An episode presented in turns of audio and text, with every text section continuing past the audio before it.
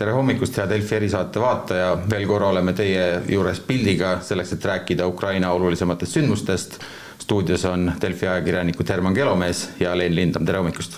tere hommikust ja täna meil on esimeseks külaliseks Vivian Loonela, kes on Euroopa Komisjoni Eesti esinduse juht ja kõigepealt me tegelikult tahaksimegi rääkida just sellest, et äh, Euroopa Liidu kõrge esindaja Josep Borrell ütles ju üleeile Euroopa Parlamendi ees kõneledes, et kõige olulisem Euroopa Liidu jaoks oleks lahti ühendada ennast Vene gaasist ja naftast ja seda juba lähiajal.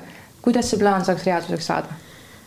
Plaani ongi komisjon välja käinud sellel nädalal, kolmapäeval tuli komisjonis plaan, kuidas näitasime, kuidas me saame selle aasta lõpuks vähendada Vene gaasi tarbimist kahe kolmandiku võrra, räägime sajast miljardist kuupmeetrist. ja seal on erinevad aspektid, millega, mille, mis siis tuleb teha selleks, et sinna jõuda. ühelt poolt mm, suurendame LNG gaasi sissetoomist, ennekõike Katarist ja Ameerika Ühendriikidest, teiselt poolt rohkem torugaasi Aserbaidžaanist, Norrast, Alžeeriast, äh, rohkem äh, tahetakse toota biogaasi, mis on, meil on ju ühine põllumajanduspoliitika, milles on selleks ka vahendid ette nähtud, et kuidas me saame ka põllumajanduses toota ähm, energiat. Äh, ja siis on seal nagu tavaliselt rohkem taastuvenergiat, see on ju see, millega me oleme nüüd juba mitu aastat Euroopas tegelenud, et seda tuleb kiiremini ja tugevamalt ellu viia. panna päikesepaneele, juba selle aasta lõpuks on ette näha, et Euroopa Liidus kakskümmend protsenti energiast tuleb äh, päikeseenergiast, panna soojuspumpasid renoveerida maju, et oleks energiaefektiivsem kogu see asi, et me lihtsalt kulutaks vähem energiat. ja, ja seal saabki igaüks ka ise ära teha, et siis arvutati, et kui iga inimene paneks omaendal, kui tal on gaasiküte, kas või ühe kraadi võrra toasoojust alla, siis sellel on ka märkimisväärne mõju. mina ise juba panin mõnda aega tagasi äh, palju alla, sest ka mul on gaasiküte, aga, aga et seal on need erinevad aspektid ja kas ongi osta teistelt tarnijatelt, äh, mitte osta Vene gaasi. rahvusvaheline Energiaagentuur on andnud ka soovituse, lõpetage lepingud Gazprom või no ärge tehke uusi lepinguid Gazpromiga, need, mis lõpevad sel aastal teha rohkem taastuvenergiat ja, ja kõik need sammud, mis iga inimene ise saab teha ja kui me räägime sellest, mida inimesed ise saavad teha, siis mida see tavainimese jaoks tähendama üldse hakkab? Borrell ütles ka seda justkui, et inimesed peaksid oma gaasi nüüd hakkama ja kütet vähemaks keerama, et ilmselt äh, päris reaalne lahendus kõigil inimestel ei ole võimalik, et millised on need Euroopa Liidu mingisugused meetmed või lahendused, kuidas neid inimesi tegelikult aidata, kes võivad selle tõttu, et see ideaal on ilus, et me ühendame ennast lahti, aga reaalsuses võib see tuua ju kaasa päris palju probleeme, et äh, mis need lahenduskohad olla võiksid või abikohad? Abikohad on samuti seal uuesti jälle välja selgitatud, juba oktoobris tuli komisjon nende ettepanekutega, mida riigid saavad teha, kuidas toetada isik, eri, eraisikuid, nii nagu Eestis seda on ka tehtud, kuidas toetada ennekõike mikroettevõtteid, et need jääksid ja saaksid üle nendest probleemidest. ja nüüd on samamoodi, et on ühelt poolt et, ettepanek, et me teeksime selliseid ühiseid Euroopa Liidu gaasihankeid, et siis uueks talveks valmis olla, selleks talveks on nüüdseks nagu piisavalt siin kapatsiteeti, sellega ei peaks muret olema. sest juba praegu on need gaasimahutid kuskil kolmekümne protsendi peal ja sellega veab selle kütteperioodi lõpuni. aga, ja ka seda, et kuidas neid inimesi siis toetada, mis on, mida riigid saavad ette näha, seal on muudet-, muudatused tulevad nii riigiabimeetmetest kui selles, kas võib panna, mitte panna hinnalagesid, sellised asjad. aga ma arvan, see noh, iga inimese enda tegevus tegelikult on ka, see absoluutselt idee ei ole, et me paneme selle vastutuse siin inimestele, aga usun, nagu Eesti Panga äh, analüüs sel nädalal ka oli, et kui me mõtleme, et Ukrainas inimesed sõdivad, nad on sõjas meie eest, et siis, kui me peame panema omal kraadi või kaks toasoojust allapoole, siis seda võib teha küll seda on meil kõigil praegu lihtne mõista, aga riigiti saab see olema erinev, et kui palju inimesed kannatavad ja mis on siis need riigid, mille jaoks need probleemid Vene sõltuvusest vabanemisel on suuremad ja, ja mida me teeme selleks, et nemad ka pardale saada? seal ongi, kuidas see, kuhu see Vene gaas läheb, Eestis me teame, see on alla seitsme protsendist, tõesti ei ole suuremat sorti või nii su suure mahuga meie, meie energiatarbimisest näiteks Bulgaaria, kus on väga suur osa just nimelt toasoojast, tuleb sellest, on Itaalia, Saksamaa, kus nende tööstus äh, vajab seda. ja seal ongi, me oleme väga tihedalt teinud koostööd Euro-, ähm, Ameerika Ühendriikidega just, et tuua neid LNG ähm, gaasi siia, saada uusi lepinguid Katariga, tuua rohkem torugaasi äh, Alžeeriast, Norrast äh,, Aserbaidžaanist see on see lahendus, et seda lihtsalt asendada nii ruttu kui võimalik. Ja mida jälle, milles Euroopa Liit on tugev, on see ühenduste ehitamine. et need riigid, me oleme siin ise Balti riikides ju selle eest hästi palju võidelnud, et me ei oleks siin energiasaar, et me oleks ühendatud Euroopa võrku. Ja see on see jälle, millesse, millega see töö edasi läheb. Kas see kaks tuhat kolmkümmend on realistlik termin, sellest aastast räägitakse hästi palju siis Vene sõltuvusest vabanemisel? no ta peab olema, ta peab olema, sest mis me sinna teeme, aga ma arvan, kui me räägime nüüd, et me selle aasta lõpuks saaksime kaks kolmandikku, siis see on juba märksa suurem e-, eesmärk. et sealt edasi on ju veel paar aastat aega, aga jah, selle nimel töö käib ja see on see, mida me tahame saavutada. millal siis reaalselt inimeste rahakotti juba väga tugevalt mõjutama hakkab? No kes seda oskab praegu ette näha, kuidas need hinnad lähevad või mitte, nüüd täna arutavad seda Versailles ka Euroopa riigijuhid, ähm, kuidas me nemale need eesmärgid seame ja mida me Euroopa üleselt ette võtame siis nende komisjoni ettepanekute kallal. aga see, et inimesi tuleb selles olukorras toetada, see on selge ja seda on ju ka kõik valitsused, kaasa arvatud Eesti valitsus, teinud kas tuumaenergial on ka selles kõiges mingi roll? jah, need riigid, kes tahavad kasutada tuumaenergiat, võivad seda teha ja me oleme näinud ju ka, et eh, nii Belgias kui Saksamaal juba on juttu sellest, et Belgias oli küll nii, et kus me, eh, ministrid või valitsus ütles välja, et me olime plaaninud sulgeda need ja need tuumajaamad, nüüd me vaatame, kuidas neid käigus hoida kauem. samamoodi oleme me Euroopa Komisjoni poolt roheleppe valdkonnas just välja öelnud, et et kui ennem oli eesmärk, et lähme näiteks kivisöelt, mis on kõige saastavam, kõigepealt üle gaasile ja siis üle taastuvenergiale, siis nüüd on palju mõistvust ka selles osas, et võib-olla on mõistlik hoida mõnda aega seda saastavamat, aga tegutseda samal ajal paralleelselt hästi kiiresti selle taastuvenergia äh, võimekuste ülesehitamisel, teha neid meretuuleparke, teha päikeseparke ja kõik nii, et siis seda tasakaalustada ja mitte osta selle asemel Vene gaasi no kui me juba rohepöördest räägime, siis äh, ongi olnud ju üks äh, ennustus, et justkui see Ukrainas toimuv ja Venemaalt lahtiühendamine äh, praegu võib-olla aeglustab pisut seda. Et kui me vaatame näiteks seda Itaalia hakkab Alžeeriast järsku tellima või, või näiteks ma saan aru, et Norrast Poola hakatakse ehitama gaasitoru Taani poolt, mis varem oli justkui juba suletud ja, ja nüüd järsku võetakse need vanad plaanid välja, mis võib-olla vähemalt praegu tundub, et on paar sammu tahapoole astumine. aga pikemas perspektiivis ma saan aru, et räägitakse sellest, et justkui võiks äh, pigem kiirendada, et äh, kuidas selline paradoksaal? ma arvan, siin ei ole tegelikult mingit paradoksi, et praegust me mõtleme julgeoleku peale, meil on vaja teha kõik, et me ei oleks sõltuvusest sõltuvuses Venemaast, see on see, mida me oma seal rohepöördes oleme ka kogu aeg kandnud ideena. ega ühelt poolt see jah, see on kliimale kasulik, aga see on selgelt ja me oleme seda, mina olen seda mitu korda öelnud, ma arvan ka siin Delfis, et me teeme seda ka selle jaoks, et Euroopa riigid ei oleks sõltuvuses Vene gaasist ja naftast. ja see ähm, arvutused on isegi tehtud, et kui nüüd hoida mõnda aega kauem siin neid ähm, fossiilkütuseid ja samal ajal kiirendada seda taastuvenergiale üleminekut, äh, siis, siis see teeb sama välja, et seal ei, ma näen, et vastupidi, see tung sinnamaale, et me peame ehitama taast-, taastuvenergia võimekusi, mereparke, päikest, see, see on väga tugev ja teiselt poolt see energiaefektiivsus. me ise nägime seda, kuidas kõik nagu selle aasta algusest on vaadanud, kui palju tegelikult sul on vaja elektrit kulutada, kas sa saad vähemaga hakkama, kas me saame oma majasid kiiremini renoveerida, see on ka kõik ju selle rohepöörde osa, et selles, ma arvan, läheb samamoodi töö väga kiiresti edasi. Kuidas veel Euroopa Liit Ukrainat aidata saab, kui energia kõrvale jätta? no Euroopa Liit aitab Ukrainat kõigega, mis võimalik, et ühelt poolt on, ähm, on kogu see abi, mis äh, läheb nii humanitaarabi, nii nende põgenike abistamine, teiselt poolt Euroopa Liit on ka kokku leppinud esimest korda Euroopa Liidu, nagu Euroopa Liit tervikuna, saata relvaabi.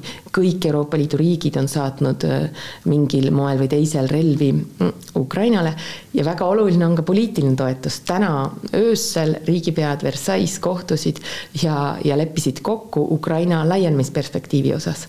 ja sealt tuligi see otsus, mida ukrainlased tahtsid, jah, me võtame nende laienemise taotluse käiku teeme nüüd täpselt nii, nagu lepingud on ette näinud, selle kohta tuleb komisjoni äh, arvamus, analüüs ja siis see läheb kõik edasi, et see poliitiline tugi, seda ei maksa ka alahinnata, et ukrainlastel, ma arvan, on väga vaja tunda, et lääs on nendega ja seda nad on, seda me oleme. aga see, mida ukrainlased tahtsid, on ju nii-öelda kiirendatud tee liikmelisusele ja võib-olla otsekohe ka kandidaatriigi staatus.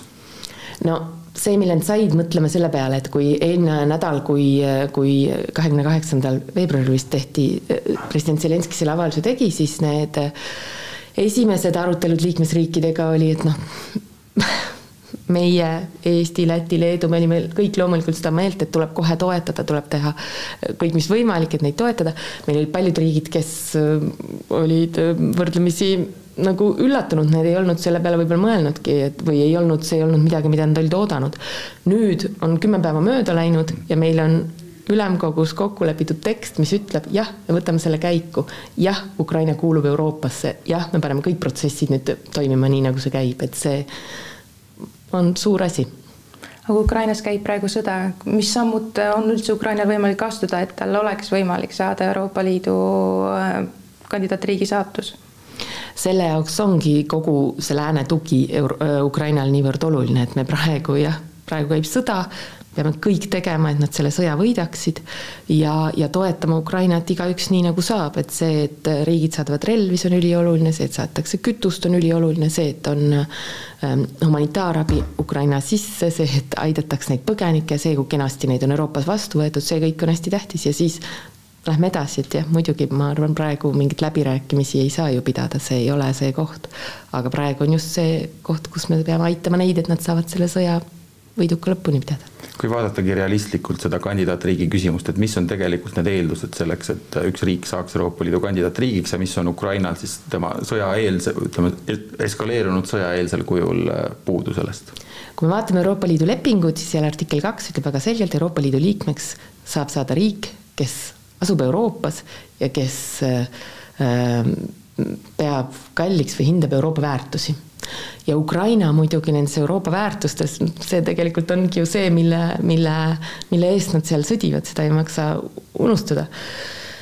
ja, ja Euroopas asuvad nad ka, et selles osas nagu võib-olla mäletate, kui ka Eesti astus Euroopa Liitu, need läbirääkimised kestsid aastaid ja aastaid ja need on hästi tehnilised, hästi detailsed, sest võetakse läbi kogu Euroopa Liidu seadusandlus, alates jah, nendest põhiõigustest ja inimõiguste kaitsest, aga lõpetades kitsaste küsimustega nagu mingi toiduohutus või, või ähm, põllumajandus, mis ei ole sugugi kitsas, või justiits-sisereform, seal on väga-väga, maksundus, seal on väga palju laiu küsimusi, mis tuleb läbi arutada, et see ei ole, noh, sellist asja ei tehtagi kahe nädalaga, aga see, et sealt tuli täna see otsus ja tugi, et me võtame selle nüüd käiku ja me hakkame nii tegema, me nüüd läheme edasi sellega, et komisjon teeb oma, oma arvamuse ja, ja siis tulevad need järgmised sammud, see on, see on hea.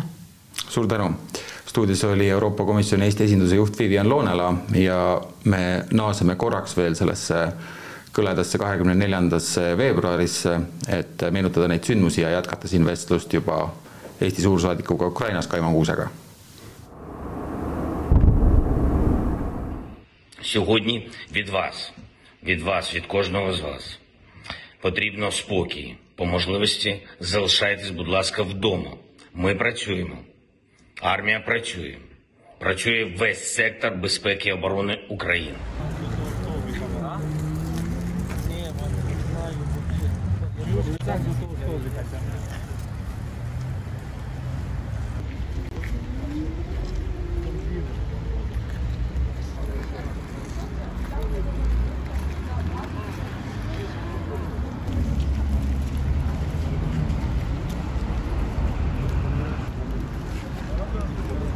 Ми сильні, ми готові до всього.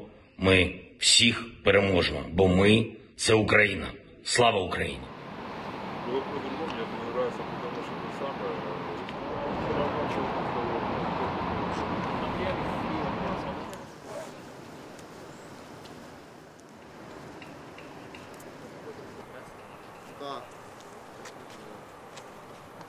Шановні громадяни України, що ми чуємо сьогодні? Це не просто вибухи ракет, бої і гул авіації. Це звук нової залізної завіси, яка опускається і закриває Росію від цивілізованого світу.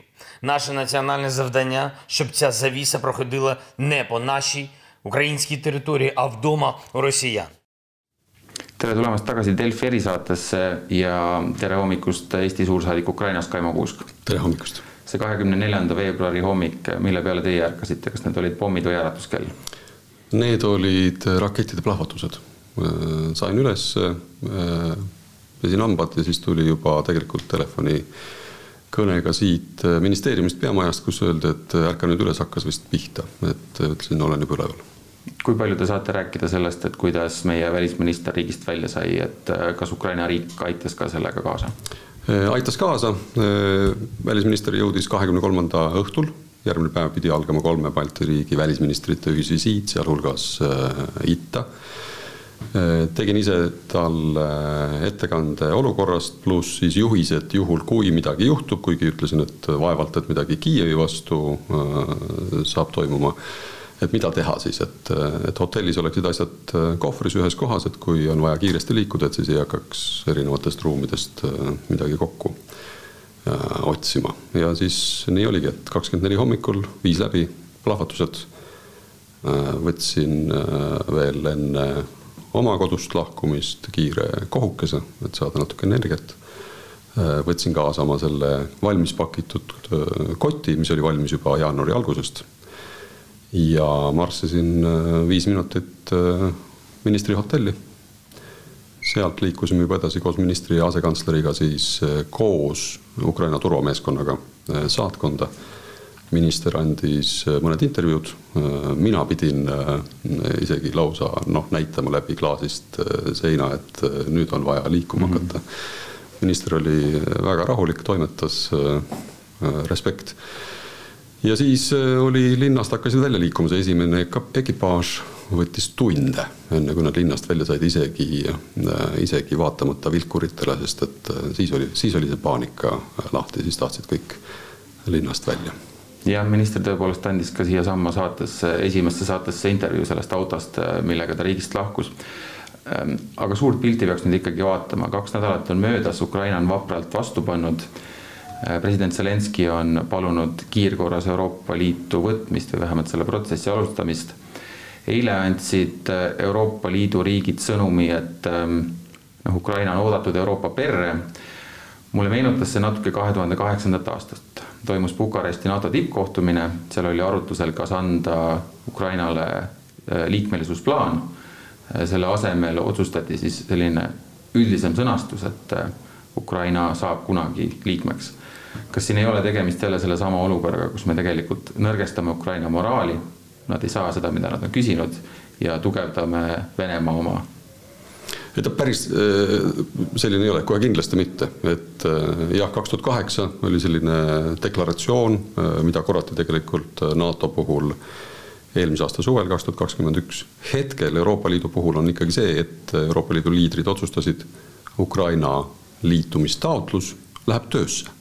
Et hakkabki protsess pihta et see on hoopis midagi muud, see oleks, ütleme noh, võib-olla natukene lihtsustatud, aga see oleks siis nagu paralleel, kui NATO sfäärist võtta, siis oleks paralleel, et äh, MAP, Membership mm -hmm. Action Plan, hakkab pihta, hakkame, hakkame sellega tööd tegema nüüd, et et Ukraina saakski Euroopa Liidu liikmeks. et seda, et nad nüüd homme, järgmisel nädalal Euroopa Liitu kohe sisse saaksid, ära vormistataksid ega nad seda tegelikult ise ka päriselt äh, ei arvanud, et see niimoodi läheb. aga protsess algas ja see on, ma arvan, kõige, kõige olulisem. aga enne seda sõda, kui kaugel Ukraina oli oma liikmestaatusest siis? oi, siis ju räägiti, noh, ma ei tahaks neid aastaid korrata, mida siin üks või teine välja ütles, mina olen see, kes ütleb, et klaas on pooltäis, et, et minu nägemus oli palju optimistlikum kui, kui nii mõnelgi teisel, et see äh, reformituhin, äh, mida kahe poole, kolme viimase aasta jooksul Ukrainas näinud, see oli täiesti muljetavaldav, nad liikusid, aga aga see, et, et keegi oleks öelnud, et nad nüüd sellel kevadel saaksid protsessiga alustada, äh, sügisel see kindlasti veel teemaks ei olnud kas ähm, pool, äh, pooltäis klaasist rääkides, et kas me võib-olla keskendume liiga palju sellele, et äh, millised on Ukraina rahva, ma nüüd ei ütle kannatused, aga, aga, aga see nagu rünnaku tõrjumine versus see, et me võiksime rääkida rohkem ka sellest, et võib-olla paremat äh, võimalust Putini režiimi kokkuvaristamiseks ju ei tule kui praegu. Selle tee on Venemaa ja Moskva ise valinud endale praegu et äh, nagu muinasjutus, kes tegi, ise tegi, et äh, tahtsid äh, Ukrainat ära murda, kalkulatsioon absoluutselt vale, suutäis liiga suur, jääb kurku kinni ja ära ei seedi, nii et et see, mis praegu ka lääne poolt tulnud on, need sanktsioonid mis toimub Venemaa majandusega, ma arvan, et see šokk ei ole neile tegelikult päriselt veel kohale jõudnud. seni, kuni äh, veel kaupa poes jätkub, äh, noh, tundub, et kõik on okei okay,, aga aga lähed ja letid lähevad järjest tühjemaks, see jõuab alles kohale. aga mis see Putini lõppmäng nüüd olla võiks, et Kiiev on see peamine koht, mida, mida muudkui üritatakse endale võita, aga, aga suveks näiteks, milline näeb välja Ukraina kaart siis? Oi, seda on keeruline öelda, jälle see, et ma tahaks olla optimist, aga, aga pigem ma sellistest prognoosidest äh, hoiduks, et see ajahorisont noh, ei ole enam võib-olla niisugune kuus tundi, kaksteist tundi, mis ta oli kakskümmend neli veebruar, äh, kus sa otsuseid pidid tegema ja, ja ütlemagi oma käitumist ka sealsamas Kiievis äh, mõtlema ette lihtsalt tundide viisi, et nüüd on natukene võib-olla see pikem aga kolm kuud ette suve suve nii-öelda prognoosida, ma hetkel ei teeks seda. Kiievi kontekstis neliteist päeva on möödas, nad lootsid seal paari päevaga sees olla, nad pole isegi veel ümber suutnud piirata seda suurt linna. mis neid nüüd ootab, kui nad äh, proovivad seal edasi pürgida? Nad ilmselt äh, seda proovivad jah, nüüd niisuguse äh, massiga tulla, kas see kvaliteet parem on, nad on ettevaatlikumad, proovivad vältida seda otsest kontakti, sest otseses kontaktis Äh, on nad pigem äh, alla jäänud, kaotusi kandnud. Äh, suruvad eeslinnadest natukene edasi, aga seal on nagu tohutult võimalusi, et tekitada varitsusi,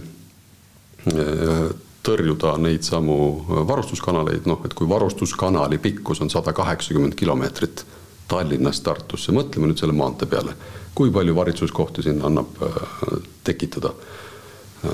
palju aga lõunaga on tegelikult kehvemad lood.